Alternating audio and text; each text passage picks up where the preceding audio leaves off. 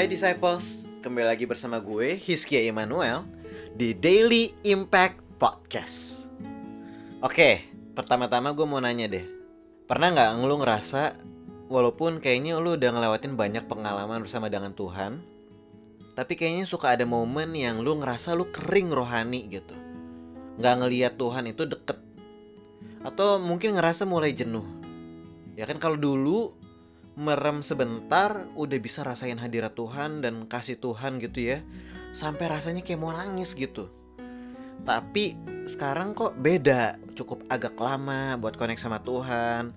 Agak susah buat bangun disiplin rohani lagi gitu. Nah gue kemarin udah sempet ngomong eh, tentang hal ini bahwa kita tetap perlu konsisten.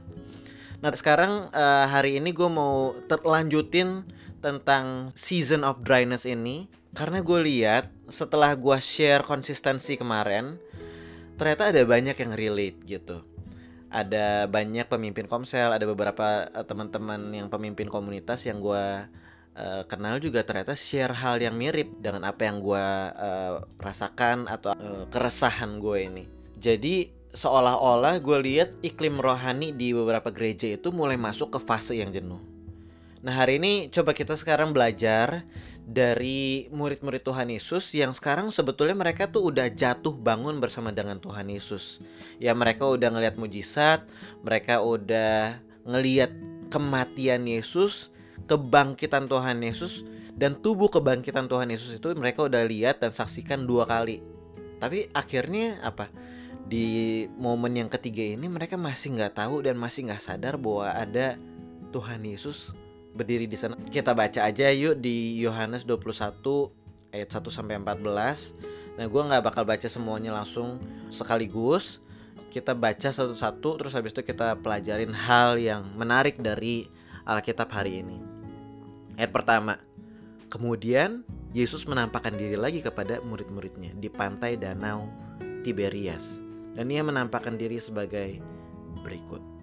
Nah tadi gue udah kasih sedikit background bahwa ini kejadian ketiga ketika murid-murid melihat tubuh kebangkitan Tuhan Yesus, Yesus menampakkan diri kepada murid-muridnya di mana di pantai Danau Tiberias. Nah, Danau Tiberias itu apa? Danau Tiberias itu tuh Danau Galilea. Ini tempat bersejarah murid-murid bersama Yesus. Banyak banget mujizat, banyak banget pengalaman yang murid-murid alamin bersama dengan Yesus itu di Danau Tiberias. Nah ini terjadinya di situ, pantai Danau Tiberias. Misalnya mereka pernah ngeliat Tuhan Yesus jalan di atas air, itu di Danau Galilea, Danau Tiberias. Murid-murid pernah ngeliat Yesus meredakan badai. Di mana? Di Danau Tiberias, Danau Galilea. Yesus melipat gandakan lima roti dan dua ikan di mana? Di pantai Danau Tiberias. Nah jadi banyak banget pengalaman, banyak banget mujizat yang murid-murid tuh alamin dan lihat Yesus lakukan di situ. Jadi ini kita kita bisa bayangin ya, udah ada jatuh bangunnya, udah ada pengalamannya murid-murid bersama dengan Yesus di sana. Nah, ayat 2. Di pantai itu berkumpul Simon Petrus, Thomas yang disebut Didimus, Nathanael dari Kana yang di Galilea, anak-anak Zebedeus, dan dua orang murid yang lain. Nah, lihat ini list namanya. Simon Petrus, Thomas, Nathanael yang dari Kana, dari Galilea, anak-anak Zebedeus dan dua orang murid yang lain yang kita nggak tahu. Semua punya pengalaman dengan Tuhan Yesus dari awal gitu. Dari sejak mulanya Simon Petrus gitu udah nggak perlu ngomong lagi ya Dia udah dari awal gitu dipanggil sama Tuhan Yesus gitu Dia sebagai nelayan Sekarang dia adalah pemimpin Thomas Thomas yang cucukin tangannya ya kan Ke lukanya Tuhan Yesus uh, anak-anak Zebedeus itu siapa? Yakobus dan Yohanes. Nathanael dari Kana. Kenapa ada tulisan Kana? Karena di situ terjadi mujizat pertama Yesus air jadi anggur di dekat situ. Jadi mereka ini orang-orang yang udah sempat ngelihat Tuhan Yesus melakukan banyak mujizat. Sekali lagi, pengalamannya banyak. Kata Simon Petrus kepada mereka, "Aku pergi menangkap ikan." Kata mereka kepadanya, "Kami juga pergi dengan engkau." Mereka berangkat lalu naik ke perahu tetapi malam itu mereka tidak menangkap apa-apa. Simon Petrus itu kan tadinya nelayan. Sekarang kelihatannya si Simon Petrus ini udah jadi kayak pemimpin dari murid-muridnya. dan murid-murid itu udah ketemu Tuhan Yesus uh, beberapa kali tadi ya ada yang bilang kalau Simon Petrus ini meninggalkan panggilan gitu ya dia dari nelayan balik lagi ke kehidupan lama untuk jadi nelayan tapi sebetulnya gue punya pikiran kayaknya belum tentu juga deh karena walaupun udah ikut Tuhan Yesus murid-murid ini masih perlu makan murid-murid tetap bisa pakai keahlian mereka untuk kerja and it's okay. Masalahnya di sini kita lihat di tengah usaha Petrus dia nggak dapat ikan, kering. Walaupun semuanya udah tepat, ya dia udah pakai semua yang dia punya, yang dia tahu teknik-tekniknya. Ya kan mereka pergi malam-malam udah tahu kalau malam-malam itu banyak ikannya, mancing jaring ikan tuh biasanya dapat. Tapi hari itu mereka kayaknya apes gitu. Nggak nangkap apa-apa sama sekali gitu.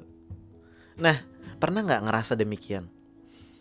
Kita udah lakukan yang terbaik udah pakai semua trik udah pakai semua teknik yang kita tahu tapi hasilnya kayaknya zong gitu. Gue lagi nyoba uh, latihan trading saham gitu. Dan udah beberapa minggu ada banyak sekali kejutan-kejutan di market saham gitu. Dan ada hari-hari yang baik tapi abis itu besoknya biasanya biasanya jatuh lagi. Nah jadi gue juga ngerasain gitu. Oh iya ya rasanya hasilnya tetap zong kayak gini rasanya.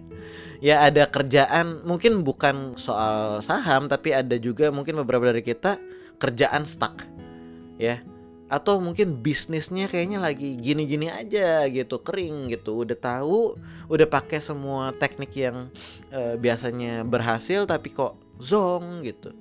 Nah di saat-saat seperti ini kita tuh ngelihat dan kita ngerti sebetulnya di luar Tuhan kita tuh nggak bisa apa-apa. Berkat itu dari Tuhan koneksi itu dari Tuhan promosi itu dari Tuhan. Nah kalau kita belum dapat kadang-kadang kita bisa nunggu lama bisa jadi patah semangat kering rohani. Tapi kita lihat apa yang terjadi di ayat 4 di ayat 4 bilang kayak gini ketika hari mulai siang Yesus berdiri di pantai. Akan tetapi murid-murid itu tidak tahu bahwa itu adalah Yesus. Yesus berdiri di pantai. Ia menyaksikan effort yang sia-sia dari para murid-murid. Tapi Lucunya, murid-murid nggak tahu itu adalah Yesus. Mungkin emang lagi pagi-pagi banget, ya. Mungkin jam setengah enam pagi, jam enam pagi, ya matahari baru muncul gitu kan. Jadi ya nggak kelihatan, mungkin nggak diperhatikan sama murid-murid. Dan sebetulnya secara nggak langsung ini juga nunjukin kepada kita sekarang nih yang ngebaca Alkitab sekarang sebagai murid-murid Tuhan Yesus kita juga bisa jadi nggak sadar bahwa di dalam usaha kita yang sia-sia ini ternyata Yesus ada loh di sana. Tapi kita nggak sadar akan kehadiran Tuhan. Bisa jadi Tuhan hadir, tapi kita nggak menyadari kehadiran Tuhan selama ini. Ayat 5 Kata Yesus pada mereka, Hai anak-anak, adakah kamu mempunyai lauk pauk? Jawab mereka nggak ada. Nah, ini jujur nih. Nggak ada makanan, nggak ada tangkapan, usaha nih lagi susah dan perhatikan ini it's part of life ya. Sometimes we win, sometimes we lose. Sometimes we feel happy, sometimes we feel sad. Terkadang hidup ada di bawah, terkadang ada di bawah banget. ya ampun. Tapi ketahuilah bahwa Tuhan Yesus tuh hadir di sana. Tuhan hadir di semua musim dalam kehidupan kita mau lagi kering kek, mau lagi bagus kek, mau lagi beruntung kek Yesus selalu ada di sana. Yesus hadir dan dia siap memberikan mujizat. Dia siap memberikan miraculous provision. Coba kita lihat di ayat 6. Tuhan Yesus bilang kayak gini, maka kata Yesus pada mereka, tebarkanlah jalamu di sebelah kanan perahu, maka akan kamu peroleh. Lalu mereka menebarkannya dan mereka tidak dapat menariknya lagi karena banyaknya ikan. Mereka nggak bisa narik lagi karena banyaknya ikan. Nah ini sempat terjadi sebelum Petrus dan anak-anak Zebedeus itu mengikuti Yesus. Lukas 5 ayat 3 sampai 6. Ia naik ke dalam salah satu perahu itu yaitu perahu Simon dan menyuruh dia supaya menolakkan perahunya sedikit jauh dari pantai. Lalu ia duduk dan mengajar orang banyak dari atas perahu. Setelah selesai berbicara, ia berkata pada Simon, "Bertolaklah ke tempat yang dalam dan tebarkanlah jalamu untuk menangkap ikan." Simon menjawab, "Guru, telah sepanjang malam kami bekerja keras dan kami tidak menangkap apa-apa. Tetapi karena engkau yang menyuruhnya, aku akan menebarkan jala juga." Dan setelah mereka melakukannya, mereka menangkap sejumlah besar ikan sehingga jala mereka mulai koyak. Nah, di sini ini adalah titik pertama ketika Simon Petrus dan anak-anak Zebedeus teman-temannya dipanggil Tuhan untuk mengikuti Yesus. Di ayat 11 dikatakan kayak gini kan, sesudah mereka menghala perahunya ke darat, mereka pun meninggalkan segala sesuatu lalu mengikuti Yesus. Nah ini kelihatan udah pernah terjadi dulu. Nah ini kelihatan kan udah pernah terjadi dulu. Mirip banget kasusnya. Dan perhatikan ketika Tuhan Yesus ngomong tebarkanlah jalamu di sebelah kanan perahu. Itu tuh sama seperti kayak suara roh kudus yang ngomong. Yang berbisik kepada kita ke kanan atau ke kiri. Kita perlu obey him anyway. Ya mungkin kita nggak lihat Tuhan secara langsung. Tapi waktu dia bicara kepada kita, kita bisa tahu karena kita udah punya pengalaman kan. Kita udah punya pengalaman dengan Yesus. Gue tahu pendengar um, Daily Impact Podcast itu cukup banyak yang udah punya pengalaman bersama Yesus, sudah punya pengalaman di dalam dunia kekristenan. Kita tahu ketika Tuhan berbicara. Masalahnya kita nggak lihat Tuhan aja. Kita nggak lihat kehadiran Tuhan aja. Tapi waktu Tuhan berbicara pada kita, kita perlu sadar dan kita perlu taat ketika kita mendengar dia berbicara pada kita. Ya kadang-kadang mungkin Tuhan ngomong kita buat hubungi seseorang, doakan seseorang, atau kunjungi siapa gitu, atau kasih sesuatu kepada siapa. Taati gerakan Tuhan dan suaranya. Nah, kejadian ini kan dulu sempat dialamin sama Petrus sama Yakobus sama Yohanes ya. Nah, tapi sekarang terjadi lagi ketika mereka udah jadi pemimpin-pemimpin. Jadi mereka melalui hal yang sama tetapi apa? Sekarang beda level kedewasaannya. Sekarang mereka udah dewasa rohaninya. Tapi different level of maturity but still in the same identity. Mereka mungkin memang sudah dewasa rohani tapi identitas mereka masih sama. Mereka adalah anak Allah. Mereka adalah pengikut Kristus, orang-orang yang dikasihi Tuhan. Nah ini waktu gue baca ini gue ngerasa seperti kayak Tuhan berbicara buat gue dan buat kita semua yang mendengarkan ini. Walaupun kita udah lama ikut Tuhan, kita harus mau untuk balik lagi ke awal untuk menemukan Dia kembali. Dan itu bukan kemunduran rohani loh. Balik ke awal itu bukan kemunduran rohani. Tapi he is simply restating. Dia sedang ngasih tahu bahwa kita adalah pengikutnya adalah anaknya, kepunyaannya, kemilikannya dari awal. Jangan lupakan identitasmu. Dari awal kita sadar kita nggak mampu berbuat apa-apa tanpa dia. Sampai sekarang walaupun udah dewasa rohani, kita juga masih nggak bisa apa-apa tanpa Tuhan. Nah ini yang perbedaannya ya dewasa rohani sama dewasa jasmani.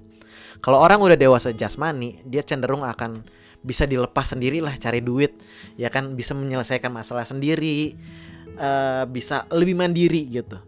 Tetapi kalau soal rohani, semakin kita dewasa rohani, semakin kita sadar kita tuh nggak bisa apa-apa tanpa Tuhan. Semua aspek kehidupan kita itu bergantung banget sama Tuhan. Semakin kita dewasa rohani, semakin kita nggak bisa lepas dari Tuhan. Ayat 7 Maka murid yang dikasih Yesus itu berkata pada Petrus, "Itu Tuhan." Ketika Petrus mendengar bahwa itu adalah Tuhan, maka ia mengenakan pakaiannya sebab ia tidak berpakaian lalu terjun ke dalam danau.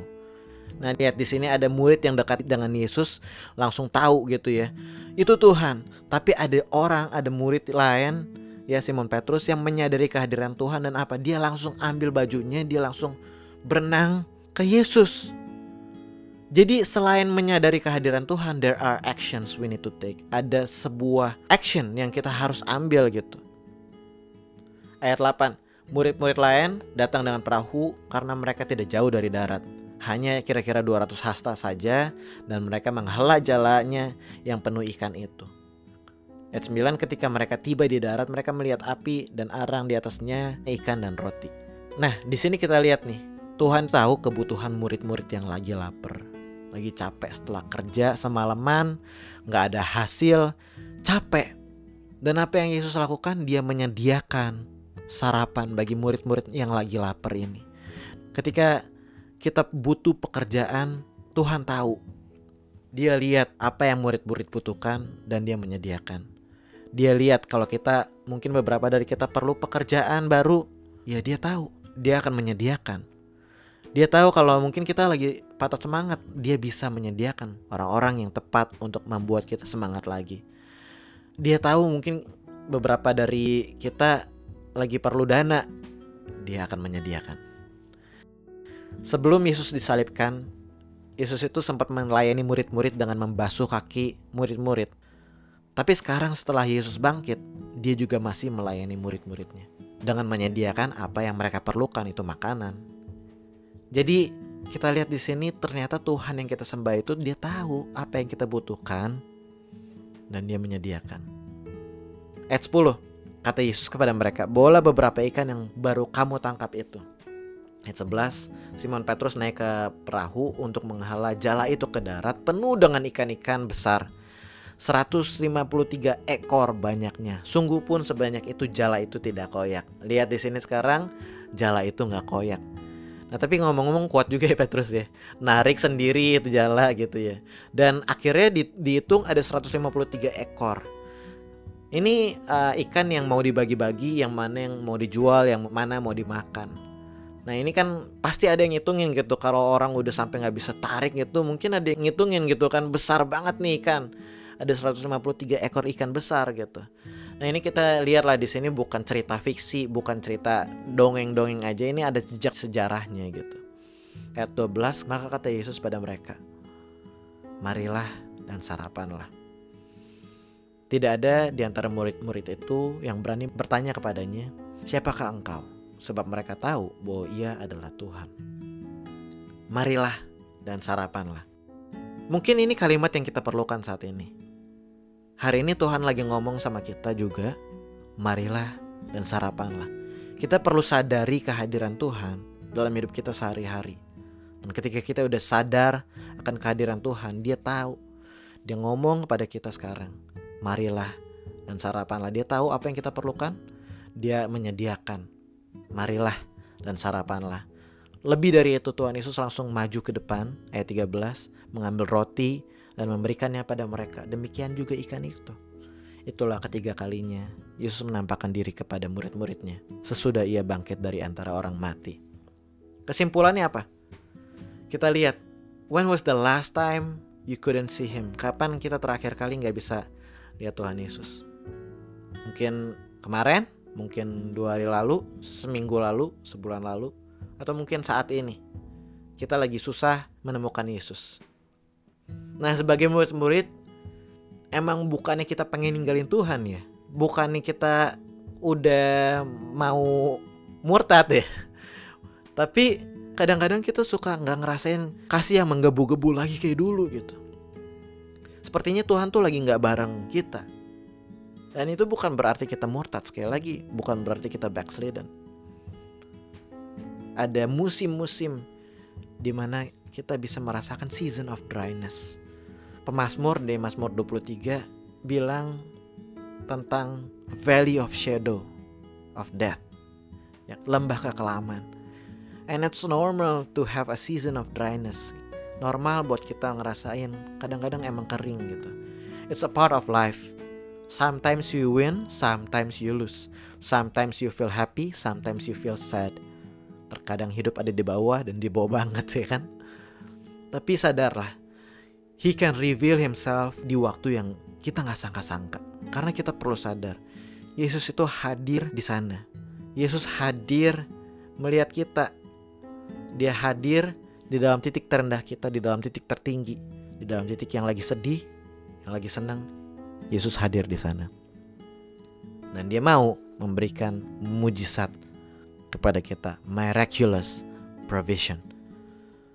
Ya, sekali lagi, dia hadir, dia tahu semua masalah kita, dia tahu semua jeripaya kita, kegagalan kita, kebutuhan kita, dan dia akan menyediakan. Jadi hari ini ayo kita belajar untuk tetap setia, sadari kehadiran Tuhan. Waktu ia menyatakan dirinya pada kita, kita sadar itu itu Tuhan ya mungkin ada ada jawaban-jawaban doa yang mulai muncul mungkin ada berkat yang tiba-tiba kita dapat sadari itu Tuhan dan take action untuk mendekat lagi kepada dia. Ayo kita semua terus bertumbuh. Ayo kita semua terus jadi pengikutnya sampai dia datang lagi kedua kali. Dan ya sekali lagi ya walaupun dari awal kita udah lama ikut Tuhan dan kita hari ini harus balik lagi ke awal untuk menemukan Tuhan kembali sadar itu bukan kemunduran rohani it's okay. Kita masih adalah anak-anaknya. Yang terkasih kita masih pengikut-pengikut Yesus. Kita adalah miliknya dari awal don't forget your identity. Sadari kalau kita dari awal emang kita nggak bisa mampu berbuat apa-apa tanpa Tuhan. So ayo kita terus bertumbuh ayo kita terus menjadi pengikut Tuhan yang setia sampai ia datang kedua kali. Yuk kita doa. Tuhan kami belajar hari ini bahwa it's okay to have a season of dryness. Kadang-kadang kami nggak melihat Tuhan, kadang-kadang kami susah banget di dalam hidup kami. Dan rasanya kami udah capek Tuhan. Tapi hari ini kami belajar untuk sadari kehadiranmu. Karena itu Tuhan kami minta biar kiranya Engkau reveal yourself more and more to us Tuhan. Sekali lagi Tuhan biar kiranya Engkau menunjukkan dirimu sekali lagi buat kami. Kami sadar kami nggak mampu melakukan apa pun Tuhan di luar Engkau. Kami perlu kuasamu, kami perlu pertolonganmu Tuhan. Dan kami percaya bahwa Engkau terus akan menyediakan apa yang kami perlukan. Karena itu Tuhan kami akan terus setia, kami akan terus taat kepada hadiratmu, kami akan terus taat pada firmanmu, kami akan terus taat pada kegerakanmu di dalam hidup kami. Biar kami terus hidup dalam panggilanmu dan kami menjadi berkat bagi banyak orang. Kami mau hidup kami memuliakan namamu. Di dalam nama Tuhan Yesus Kristus. Amin. Wow. Thank you semuanya yang udah dengerin dari awal sampai akhir. Hari ini cukup panjang kayaknya. Kalau kalian ngerasa diberkatin, boleh share podcast ini ke teman-teman yang mungkin lagi rasa kekeringan rohani gitu ya. Atau mungkin ada teman-teman yang udah pelayanan udah lama tapi nggak mau melayani lagi. Mungkin devotion ini atau renungan ini cukup tepat buat orang-orang seperti itu. Jangan lupa juga kalau mau tahu lebih awal kapan episode selanjutnya di post bisa follow Instagram at Daily Impact Pod. Sekali lagi at Daily Impact Pod pakai D. Di situ gue setiap kali ada podcast baru gue selalu post di sana dan uh, kita bisa langsung pencet linknya di bio langsung ke podcast ini. Oke, okay? so see you on the next episode. God bless you all. Bye bye.